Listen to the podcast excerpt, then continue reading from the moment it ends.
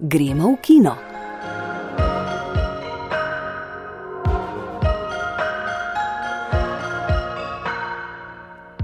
Lepo zdrav! V naši tedenski filmski oddaji bo tokrat govor o 64. Berlinalu, na katerem vsi že ugibajo, pri kom bodo v soboto spali zlati medvedi, tudi naša poročevalka Ingrid Kovač Brus. Podali se bomo na pravkar končani 36. mednarodni festival kratkometražnega filma v Clermont-Ferranu, ki ga je obiskal Mateusz Jerman. Med premjerami tega tedna se bosta pod drobnogledom znašla dva filma: Zimska pripoved in Vampirska akademija. Ne divja salsa, kot smo v naših napovednikih obljubljali, saj se je v nasprotju z oglasi izkazalo, da bo premjera filma šele danes. Del oddaje pa bomo namenili tudi današnjemu, čisto posebnemu ljubljanskemu maratonu, maratonu erotičnega filma, ki bo v slogu nekdanjega kina sloga obarval ljubljanski mestni kino.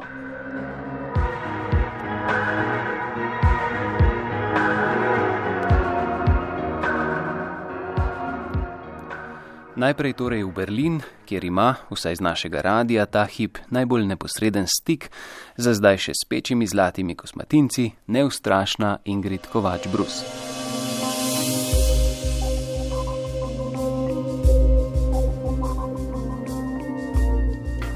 Le še nekajkrat se bo na Berlinalu zavrtel festivalski avizo, s katerim se začenjajo projekcije. Že v soboto bo na oder filmske palače stopila žirija. Danes pa je čas za ugibanja, komu se najbolj nasmiha zlati medved. V zadnjih 25 letih je enkrat samkrat ostal doma, letos pa nemškemu filmu kaže dobro. V igri za nagrade so vsaj trije.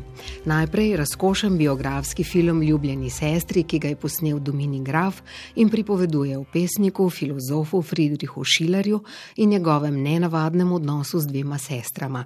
Očrljiv film je postavljen v severno Nemčijo konec 18. stoletja, univerzitetna mesta, kjer so delovali Gete, Novalis Herder. Weimar je glavno mesto province, sicer bogato, a vseeno majhno in daleč od pravega mednarodnega dogajanja. Je povedal režiser, ki v središče razkošnega zgodovinskega filma Ljubljeni sestri ni postavil šilarjevega ustvarjanja, ampak dinamičen ljubezenski trikotnik, pri čemer si je dovolil veliko umetniške svobode in interpretacije. V sodobnosti na jugu Nemčije, v tradicionalnem katoliškem okolju, pa se dogaja film z naslovom Križev pot. En soldat kämpft für seinen König, für sein Land und für seine Familie. Und wenn wir die Soldaten sind, wer ist denn unser König? Jesus. Was ist unser Land? Tak je uvod in prva od 14 postaj križevega pota. Režiser Dietrich Brigeman prikazuje stiske odraščajoče Marije, ki se v pripravah na Birmo sooča s vprašanji vere, greha, žrtvovanja, življenja in smrti. Film Križev pot je za gledalca naporen, a na kritiških lestvicah ocenjen najviše. Nemški pa je tudi tretji izstopajoči in morda politično najaktualnejši film. Režiserka Feo Aladak je zgodbo v mestni svetovi posnela v Afganistanu, v nemški vojaški bazi, kjer skupino vojakov pošljajo v bližnjo vas, ki grozijo talibani. Dobro zrežiran film se ne izogne temam, kot sta, kaj se zgodi z vojaki, ko se vrnejo domov in kaj se v Afganistanu zgodi z ljudmi, ki so sodelovali z NATO. Predvsem pa se osredotoča na dogodke in odnose, odnose, ki presegajo toge vojaške birokratske postopke. In kje vidi režiserka rešitev za državo, ki jo bo kmalo zapustila še ena vojska. Najbrž v tem, da pomagamo ustvariti okolje, v katerem bo ekonomska situacija zagotavljala osnovo za varen izobraževalni sistem v državah, kot je Afganistan, da bodo imeli enake možnosti za izobraževanje vsi, mlade ženske in moški young women and young men. Z vojno pa se v svojem prvencu z naslovom 71 ukvarja tudi britanski režiser Jan Dimanš. Smo v Belfastu v času nasilnih konfliktov med protestanti in katoliki, v katerih posreduje tudi britanska vojska. Gary je mlad vojak, ki ga na mesto v Nemčijo pošljajo na Severno Irsko in že v prvi akciji ostane sam na ulicah Belfasta. Začne se divji beg človeka oziroma lov na vojaka. Ne prikazujemo le določenega konflikta, ampak tudi umazano taktiko, upletene mlade moške in izgubljena življenja mladeničev, ki so iskali plemensko pripadnost. Innvandrer je pozitivt. I denne sammenhengen. Finner meg faen ikke i det. Tole pa je odlomek iz norveškega filma Fahidioti, zaenkrat najbolj duhovitega na Berlinalu. Hans Peter Moland je posnel kriminalko, ki bo navdušila vse, ki vam je blizu Tarantinovski črni humor. The violence is, I think, Nasilje je nekaj, kar preživ v človekovih najbolj skritih globinah in kar na srečo večino časa obvladujemo, včasih pa tudi izbruhne kot pri mojem liku. Zanima me, kaj nasilje sproži v ljudeh, ki so sicer uravnoteženi. Presumably well-adjusted people. Om du ska knäppa honom så måste du hyra en hitman. V filmu Idioti Stellan Skarsgård igra očeta, ki se mu zgodi najhujša krivica. Pravico za to vzame dobesedno v svoje roke, ko v globokem snegu na severu Norveške obračunava z narkomafici vseh vrst. Mimo grede, poglavarja srpske mafije imenitno igra Bruno Gantz. Med neevropskimi filmi za zdaj izstopata le dva. Uvodni film Wesa Andersona, Grand Hotel Budimpešta in argentinski zgodovina strahu. Kopija centralne. Centralne kopije. Benjamin Najštat v njem slika argentinsko družbo, predvsem bogate, ki živijo v ograjenih getih in neprestanem strahu pred udorom zunanjega sveta in nasilja. Strah pa je uraščen v celotno družbo, za katero se zdi, kot da lahko vsak hip izgubi krhko ravnotežje. Tik pred koncem festivala si bomo ogledali še film Otroštvo Richarda Linklaterja in pričakovanja so po njegovem zadnjem filmu pred polnočjo seveda zelo visoka. Od vaše poročevalke pa le še pozdrav iz tokrat pomladnega sončnega Berlina. Svetlobe na filmskih platnih pa je bilo letos komaj za vzorec.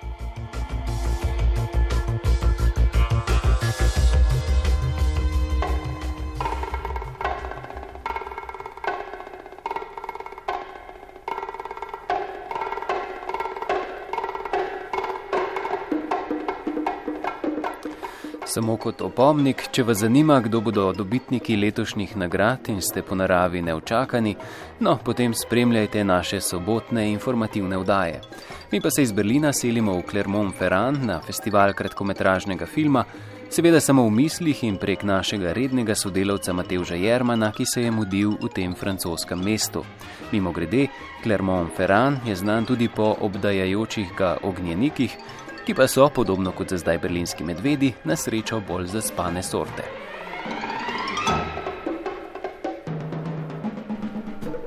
Moj gost v studiu je Matej Šerman, ki je letos obiskal mednarodni festival kratkega filma v Clermont-Ferranu v Franciji. Gre že za 36. izdajo festivala po vrsti, mislim pa, da v njej, v oddaji gremo v kino, govorimo prvič. Tako da morda za začetek kratka predstavitev tega festivala, Je to naprimer Kan ali Berlin med festivali kratkega filma? Um, ja, festival uh, kratkega filma v Clermontu velja za brškone najpomembnejši festival kratkega filma v Evropi, pa mogoče celo na svetu je, je precej referenčen za celotno svetovno produkcijo kratkega filma in uh, se ga drži ta oznaka um, Kan kratkega filma. Tukaj se se predstavlja um, neka celotna relevantna produkcija. Recimo prijavljenih je bilo več kot 8200 filmov, od katerih se je potem v, v te tri glavne sekcije, ki so tekmovalni mednarodni program, um, program eksperimentalnega oziroma malo bolj radikalnega filma uh, Labo in uh, nek nacionalni francoski program skupaj s spremljevalnimi programi, ki so potem vsako leto fokusirani na različne tematske sklope. Kako pa je, recimo, kot obiskovalec, kako se človek znajde na takem festivalu, ker gotovo je nešteto filmov na njem. Skratka, kako se orientiraš po festivalu, kako izbiraš filme, ko si jih želiš ogledati. glede na to, da gre za avtorje, ki so mogoče malo manj poznani, um, si potem program izbiraš glede na, na, na sklope in glede na področje zanimanja. Um, kot rečeno, so brez dvoma najbolj relevantni tri glavni programi in tukaj skoraj ne moreš zgrešiti. Program je izjemno kvaliteten, konkurenca je precej močna in uh, mislim, da praktično ne zgrešiš, če greš na katerega koli od teh treh glavnih. No, vsekakor si pa potem podvržen različnim priporočilom um, kolegov iz stroke, obiskovalcev, um, tudi avtori so recimo, zelo prisotni na festivalu nek oseben pristop je tukaj zelo um, izpostavljen. Um, režiserji obesijo plakate, um, delijo letake svojih filmov, razglednice. Mogoče en od najbolj pomembnih faktorjev je tudi filmska tržnica, kjer se potem uh, vsi predstavljajo od avtorjev, od producentov, distributerjev, um, selektorjev festivalov in tukaj se potem nekako izkristalizirajo mogoče te najbolj izstopajoči naslovi um, vsakoletne edicije. No, uh, filmska tržnica je bila nekaj posebnega tudi za nas, slovence, letos. Um, mislim, da smo se prvič predstavili na tem festivalu, morda še nekaj besed o tem. Kratek film pri nas je že dolgo časa veljal za mogoče malo zapostavljeno filmsko uh, zvrst in je je letos uh, se zgodil ta velik preboj, ko je uh, Slovenski filmski center pod vodstvom Irine Kocijančič in na pobudo Igorja Prasla pripravil katalog um, s predstavitvijo kratkega slovenskega filma od leta 2010 do 2014, vključujoč s filmi, ki so šele v nastajanju in bojo spomladi zaključeni. Skupaj s katalogom pa je bil izdan tudi DVD um, s filmi lanskega leta. In tukaj se je potem na tržnici dalo eno, eno močno pozornost na, na širjenje in osveščanje ostalih kolegov iz stroke um, o slovenski filmski sceni. Poleg DVD-ja slovenskih kratkih filmov se je predstavljal tudi um, recimo AGRFT s sklopom študentskih filmov, kompilacija slovenskega animiranega filma, festival Animateka, produkcija Enknap tako da se je pokrila neka celovita slovenska produkcija kratkega filma. In uh, moram reči, da se je pokazalo veliko zanimanje različnih selektorjev iz tujine. Posebna pozornost je bila mogoče namenjena tudi slovenskim animiranim filmom, kot je Boles Špele Čadež, ki je do zdaj pobral že več kot 30 nagrad na mednarodnih festivalih in uh, so selektorji pokazali veliko zanimanja za njim. Eh, kljub temu, da ni bil izbran v uradni program v Klermonu. Poleg Bolesa se je poudarek dajal na, na film Kolje Sakside, Koja Roža, da je na ostalo neko slovensko aktualno um, pomembno produkcijo. No. Kaj pa recimo čisto z vidika kakovosti, če primerjamo te slovenske filme, Boles je bil recimo veliko krat že nagrajen, vemo, da je res dober film. Kakš, kakšne so recimo te primerjave vem, s filmi v mednarodnem tekmovalnem programu? Ne bolje so vsekakor spada v, v vrh svetovne animirane kratke produkcije. No, z lahkoto se, se pač kosa z, z ostalimi animiranimi kratkimi filmi, ki so bili na festivalu prikazani. Je pa res velika škoda, da ni bil izbran in uh, To gre mogoče pripisati tudi temu, da se je letošnja um, selekcijska komisija pravkar menjala in je tudi poseben način selekcije, saj program izbira 27 selektorjev in mogoče kdaj tudi vsi ne vidijo vseh in po kakšen film preprosto ponikne, tudi po, po krivici mogoče. Kakšna pa je recimo možnost, da bomo katerega od teh filmov, seveda tujih filmov, z tega festivala videli tudi v Sloveniji. Namreč eh, v zadnjih letih smo nekako začeli sodelovati z Vidmom in celovcem v okviru teh kratkih filmov. Eh, nekaj prinese v Ljubljano tudi animateka. Skratka, kako je s tem? Tukaj treba povedati, da v Sloveniji, tudi kar se tiče prikaza nekih mednarodnih kratkih filmov, nimamo neke močne platforme. Uh, najbrž je tukaj bistvenega pomena pravzaprav uh, poliganimateke LIF, kjer mislim, da, da so bili lani tri programski sklopi kratkih filmov, ki so pa v veliki meri izbrani tudi glede na njihov uspeh oziroma nastopanje v Klermonu.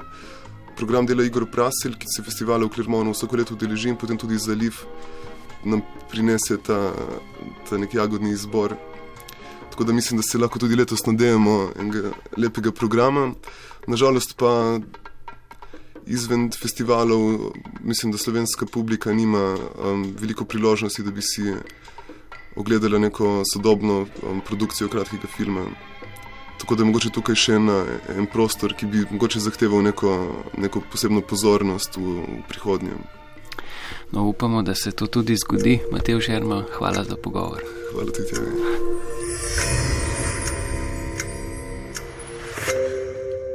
Squeaks. You have a gun?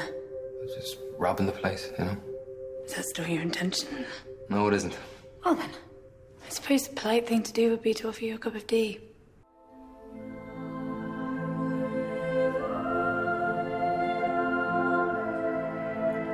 Danes je Valentinovo, no in če ste mislili, da ga bomo z zavihanim nosom in pod predvezo medvedje vročice obšli, ste se motili. Ob prazniku zaljubljencev smo izbrali film, res da z ničkaj vročim naslovom, pravzaprav zelo hladnim, pa vendar gre za vročo stvar - zimska pripoved. Na primeru se je podala naša vedno romantična sodelavka, a tokrat, kot se mi zdi, rahlo, no boste slišali. Gaja Pešelj.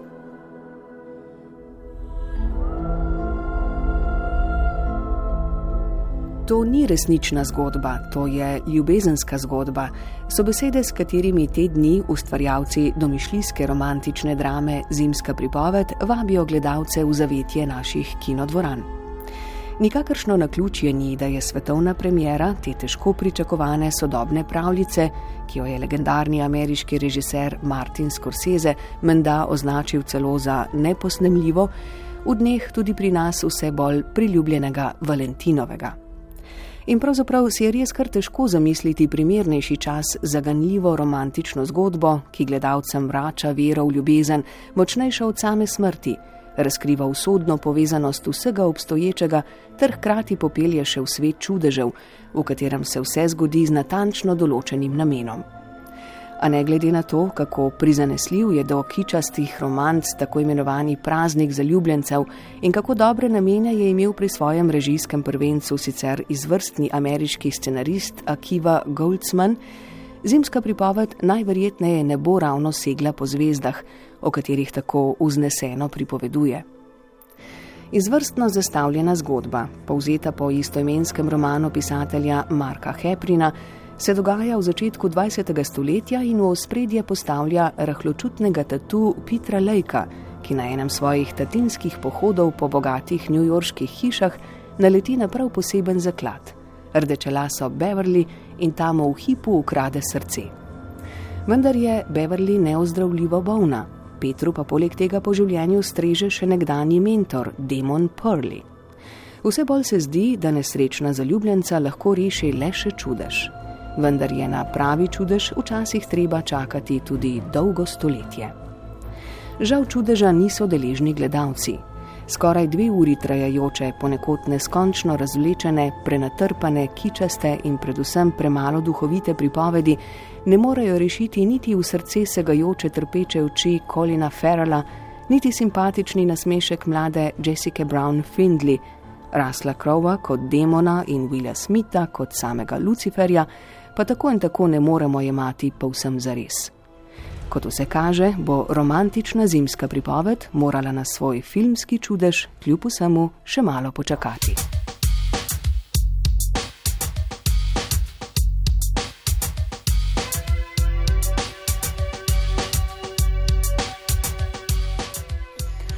To je bila Gaja Pešelj. Mi pa še ostajamo pri Valentinovem, ki bo v naslednjih minutah precej zvišal temperaturo. Ker bo vroče, začnimo zmerno.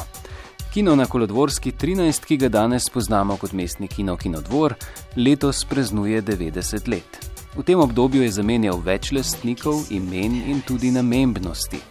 V kar dolgem obdobju med leti 1966 in 1992, kot se najbrž marsikdo še spominja, so v kinu, ki se je takrat imenoval Kino Sloga, prikazovali erotične filme. Pri kinodvoru bodo ob celoletnem praznovanju svojega visokega jubileja v okviru tako imenovanega leta kina zaznamovali tudi to obdobje. Na začetku leta je izšel koledar z erotičnimi plakati, danes na Valentinovo pa bo na sporedu poseben dogodek. Ozračje, kot najbrž slutite, postaja vse bolj vroče maraton erotičnega filma, imenovan, prosim, držite se za svoje stole, Noč erotičnega filma. Ob tej priložnosti pa se o tej priložnosti nismo pogovarjali, kot bi najbrž marsikdo pričakoval, moški, ampak presenečenje Tesa Drev in Maša Peče, ki je za ta dogodek izbrala filme in uredila zbornik z naslovom Retroseks nekoč v slogi. To je obljubljam še zadnja vroča z moje strani ta dan.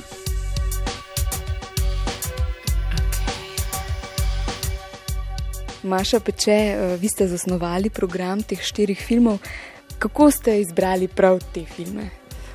Torej, ob tem nekem poklonu kinosloga, ki smo ga poimenovali um, kinosloga Retrosex uh, v pomežik nekdanji ekipi, ki je leta 1971 v erotičnem kinosloga priredila prvi filmski Retrosex, torej nek revijalni pregled.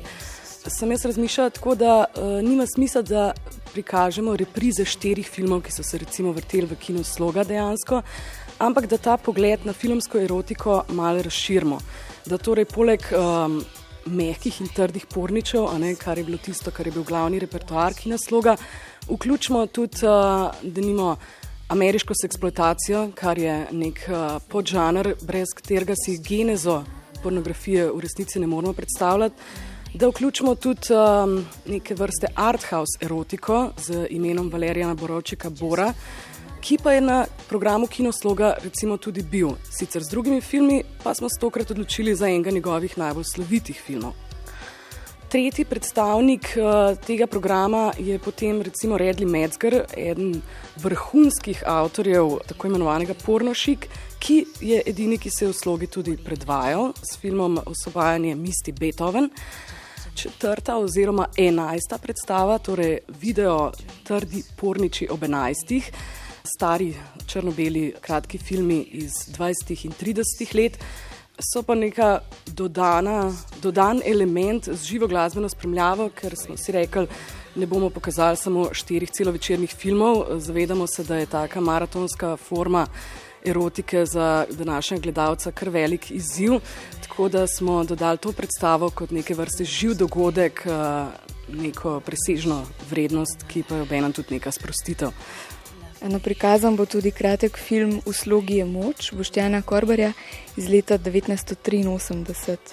Ja, to je pa uh, film v produkciji AGRFT, torej študentski film iz sezone 83-84 ki je, jaz moram reči, naravnost fantastičen filmček, uh, ki nas dejansko ponese nazaj v točno to obdobje v slogi, v slogi foaje, v predverje, kjer množica, večinoma moških, čaka na začetek predstave. Tako da res uh, absolutno pričara tisti duh časa uh, in se nam je zdelo primerno, da ga pokažemo. Konec 60., 70. in 80 so bile obdobje, ko so ljudje erotične filme gledali v kinu, tako rekoč kolektivno. Kako da se je to potem spremenilo? Ja, vedno rečemo, da je bilo konc uh, te kinematografske erotike in pornografije z videobumom. V 80-ih, druge v svetu, v Zahodu, že v začetku 80-ih, pri nas v resnici konec kina sloga v začetku 90-ih, leta 92 pravimo, da je imela erotika in pornografija nekoč, eh, ne nekoč, v resnici eno dobro dekado. Univerzalno, bolj splošno občinstvo, gledali so jo ne samo samski, ampak tudi pari. Potem je pa nekako se v začetku 80-ih s to videoprodukcijo umaknila na domače zaslone, torej v videoteke in na domače videorekorderje. In tako je bilo te dobe, nažalost, konec. Sigurno je pa temu potrovala tudi neka sprememba senzibilitete, nekega družbenega okusa, neke politične orientacije. V kinodvoru bodo danes naprej na ogled tudi plakati erotičnih filmov. Ob začetku leta je izšel koledar z izrezi teh plakatov, vi pa ste uredili tudi knjižico Retrosex nekoč v slogi, ki je pravkar izšla. Gre za publikacijo s prispevki različnih avtorjev od Slavoja Žižka do Marcela Števančiča. Ja, um, torej ta, rečemo, kar zbornik um, se je kar nekako sam razvil iz enega zelo velik manjšega koncepta, je postal ena resnična knjižica, uh, zelo ilustrativna in ilustrirana, tako da vabljeni bralci ne samo k branju, ampak tudi listanju. Avtori pa mogoče na prvo žogo, ampak tokrat se mi zdi to popolnoma primerno. Seveda Marcel Štefančič, imenovani prvo filmsko pero, potem Max Modic, prvo pornografsko pero, Slavo Žižek, uh, itak prvo pero uh, in Bratko Bibič, tokrat pod novim psevdonimom, ki je pa absolutno prva harmonika, tokrat s peresom in ki se v slogo že tekom desetletij vedno vrača in nekako skozi eno drugo optiko kot glasbenik ta spomin ohranja živ na to erotično slogo. Marcel se je v svojem tekstu zelo lepo in tudi zelo osebno, pa čeprav tudi faktografsko, sprehod ravno do tistega začetka trde erotike v slogi, kjer seveda povzame in nadaljuje Max. Uh, Modic, medtem ko je bratkov prispevek, kot se neka neke vrste zanimiv memoar nekoga iz sveta glasbe. Slavo Žižek pa um, tukaj predstavlja neko zelo kratko učno uro zagad pornografije.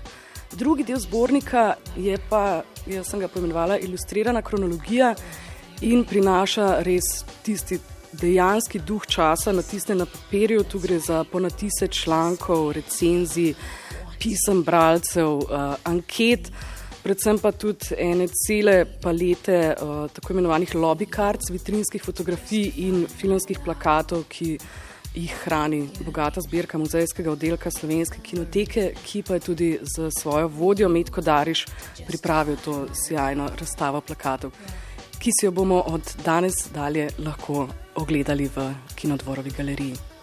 Bo noč erotičnega filma, prav tako kot zdaj že tradicionalna noč grozljivk, postala vsakoletni dogodek.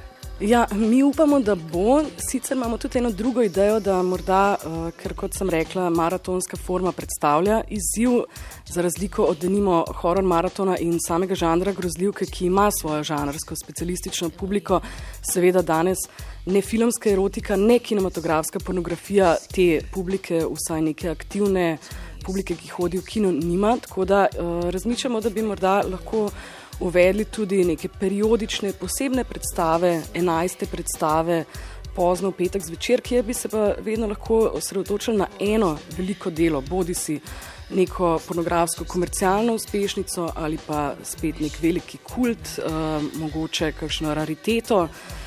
Ampak zdaj je vse v resnici odvisno od odziva publike. Dvorana se sicer že lepo polni, eh, počakati moramo tudi na dejansko reakcijo, ali bo ta pozitivna ali negativna, torej zdaj je vse na gledalcih. No, upajmo, da bo reakcija pozitivna. Maša, peče, hvala za pogovor. Najlepša hvala vam.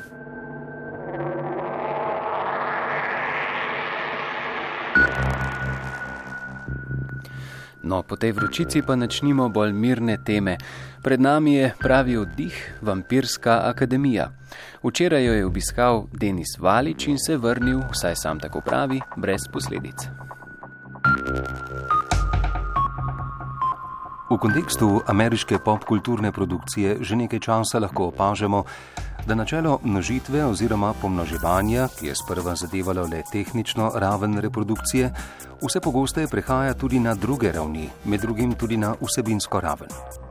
V tem pogledu prednjači predvsem holivudska filmska industrija, ki v danes že skoraj histeričnih poskusih izstopa iz krize, za njo tako ustvarjalne, kot po svoje tudi eksistencialne, saj je očitno, da se nikakor ne zna prilagoditi novi digitalni dobi množi vse po vrsti, od proračuna do likov in zgodb, ki so pokazali velik komercialni potencial. Ena najočitnejših posledic slednjega je rojevanje oziroma ponovno oživljanje številnih podžanrov. Sicer drži, da je celotna zgodovina holivudske filmske produkcije posejana številnimi filmi o superherojih, A toliko, kot nam jih je bilo ponujenih v zadnjih dveh desetletjih, ko so na platnih oživeli skoraj vsi, tudi tisti najbolj obskurni liki iz arzenala Marvelovih ali DC-jevih superherojev, nismo še nikoli videli. Poseben fenomen pa je rojevanje novih podžanrov, recimo najstniških vampirijat. Tako sta dve različni deli, televizijska serija Prava kri in filmski somrak, spodbudili pravo obsedenost pri najstnikih, no pa tudi širše, če smo natančni, s sodobnimi različicami krvosesov in njim podobnih stvorov noči. Od takrat se dela v tem podžanru rojevajo v silovitem tempu, v strahu pred izčrpanjem donosne formule, pa producenti in ustvarjalci vanjo vnašajo nove in nove prvine. Tako nastajajo nenavadni koktajli, v katerih poskušajo združiti čim več prvin, ki so že v preteklosti potrdile svoj komercialni potencial ali pa ustvarjalci upajo, da ga bodo. Pri tem je morda še najbolj zanimivo to, da se vsaj nekatera dela znova obračajo k samemu izvoru mitologije o krvosesih, ljudskemu verovanju balkanskih narodov.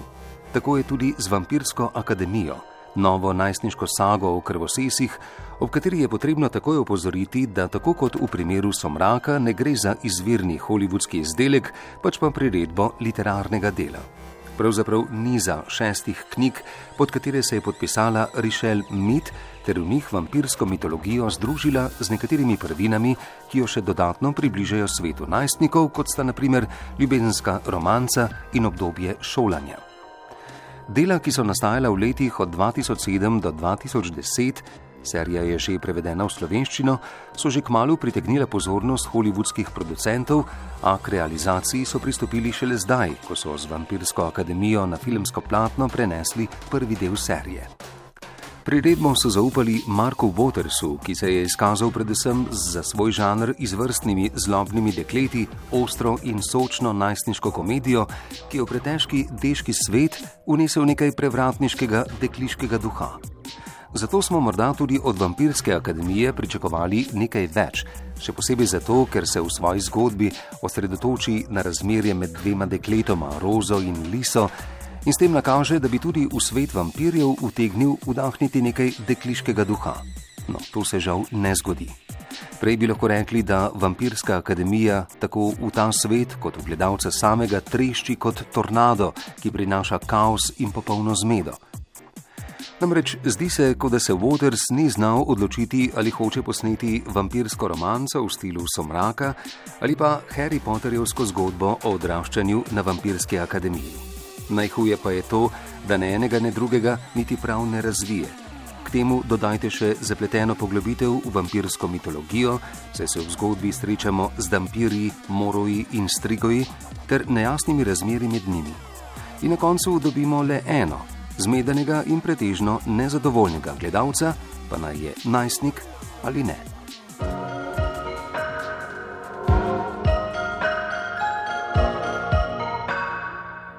In to bi bilo za danes vse. Z vami smo bili Eva Longika Marušič, Igor Velše, Alma Čelik, Vojko Frelih in Matej Juh. Pred nami sta torej dva posebna večera, predstavimo ju še enkrat takole. Po današnjem, če bi se ga udeležili, bi bili jutrišnji zlati medvedi najbrž rahlo rdeče barve. Lep pozdrav do naslednjega petka.